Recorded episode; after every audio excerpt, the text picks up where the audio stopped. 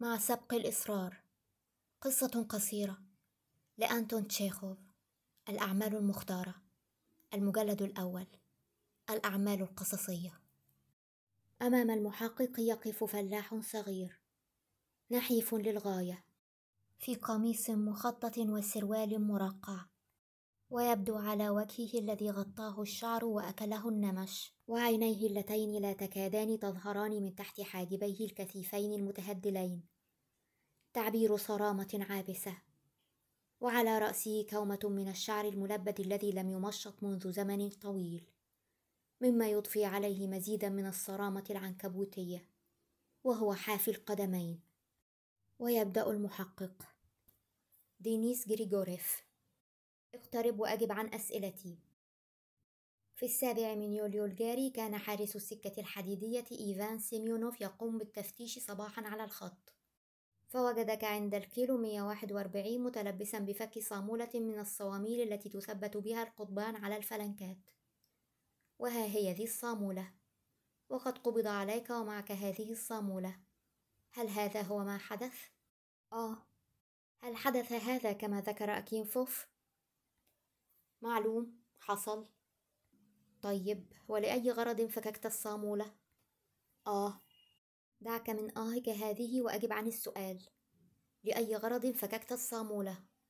يقول دينيس بصوت أبح وهو يتطلع إلى السقف لو لم أكن بحاجة إليها ما فككتها وما حاجتك إلى الصامولة؟ الصامولة؟ نحن نصنع منها ثقالات السنانير ومن هؤلاء نحن نحن الناس فلاحو الناحية يعني. اسمع يا أخانا لا تتظاهر بالغباء وتكلم بصراحة. كفاك كذبا بخصوص الثقالات. فيدمدم دينيس وهو يطرف بعينيه. أنا عمري ما كذبت فلماذا أكذب الآن؟ وهل يمكن يا صاحب السعادة أن تصيد بدون ثقالة؟ لو وضعت حشرة أو دودة في السنارة فهل يمكن أن تغوص إلى القاع بدون ثقالة؟ ويضحك دينيس ضحكة قصيرة. أكذب قال.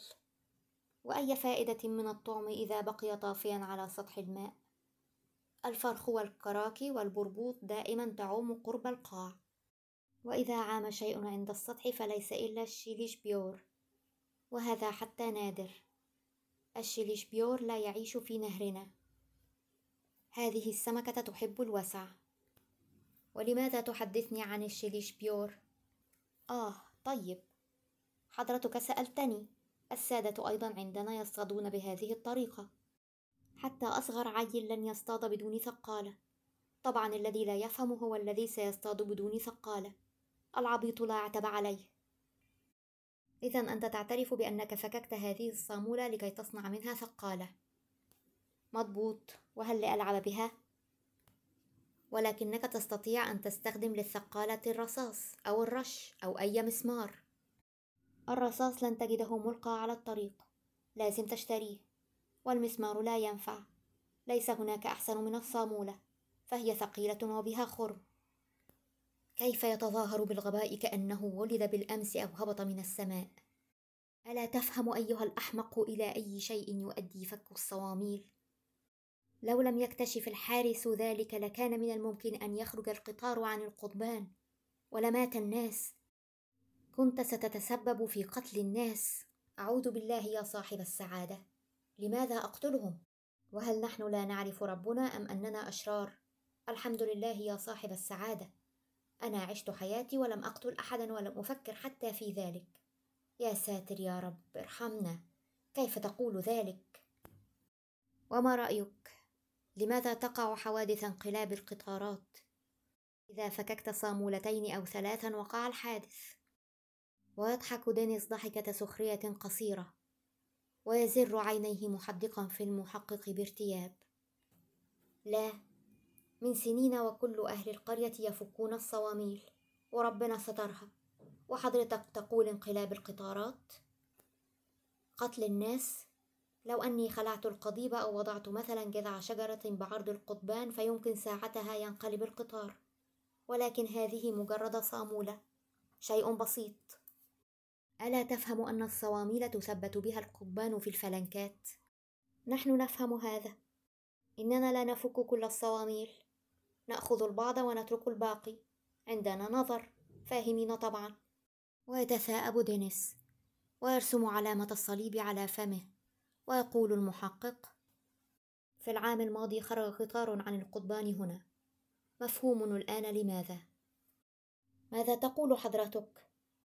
أقول مفهوم الآن لماذا خرج قطار عن القضبان في العام الماضي. الآن فهمت أنا السبب. سعادتكم من أهل العلم ولذلك تفهمون. ربنا أعلم لمن يعطي المفهومية. حضرتك عرفت وقدرت. لكن الحارس مثله مثل الفلاح. ليس عنده أي مفهومية. يمسك الواحد من قفاه ويشده. طيب الأول اعرف وبعدين شد.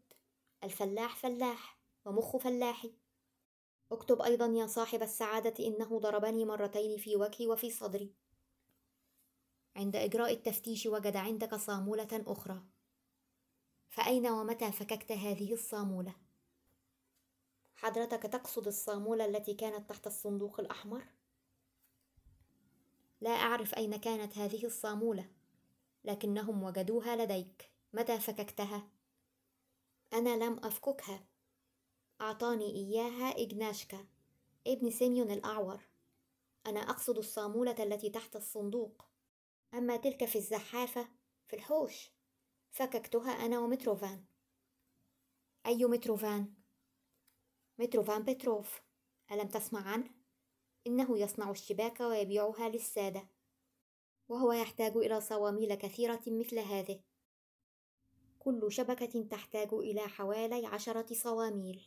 اسمع. المادة 1081 من قانون العقوبات. تنص على أن كل تخريب متعمد للسكك الحديدية يكون من شأنه تعريض سلامة وسيلة النقل المارة بها للخطر. وفي حالة معرفة الجاني بالعواقب الوخيمة التي سيؤدي إليها فعله فاهم؟ ولا بد أنك تعرف إلى أي شيء يؤدي فك الصواميل يعاقب مرتكبه بالنفي والأشغال الشاقة طبعا حضرتك أدرى نحن ناس جهلة وهل نحن نفهم؟ أنت فاهم كل شيء لكنك تكذب وتتظاهر بالغباء ولماذا أكذب؟ اسأل أهل القرية إن كنت لا تصدقني بدون الثقالة لا يصطاد إلا السمك الأبيض. وهل هناك أسوأ من القبيون؟ ومع ذلك فلا يمكن صيده بدون الثقالة. فيبتسم المحقق قائلا. أظنك ستحدثني الآن عن الشيلشبيور الشيلشبيور لا يعيش في نواحينا. نرمي الخيط بدون ثقالة على سطح الماء. والطعم فراشة. ونصطاد الشبوط. وحتى هذا نادر. طيب اسكت.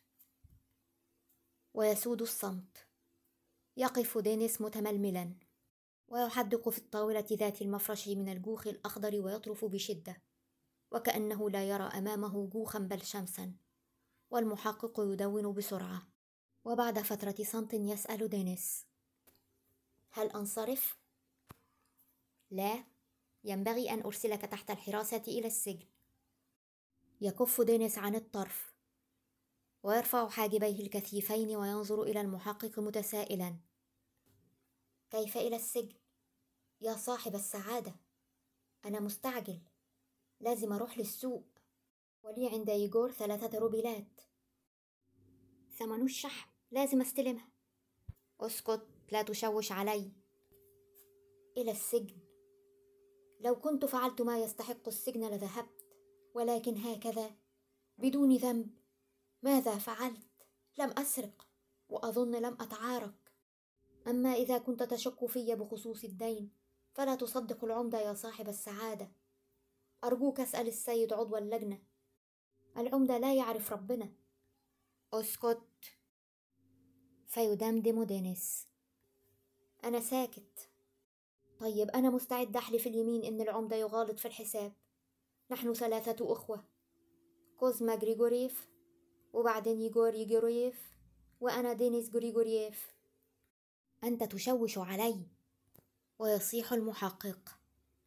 يا سيميون خذه.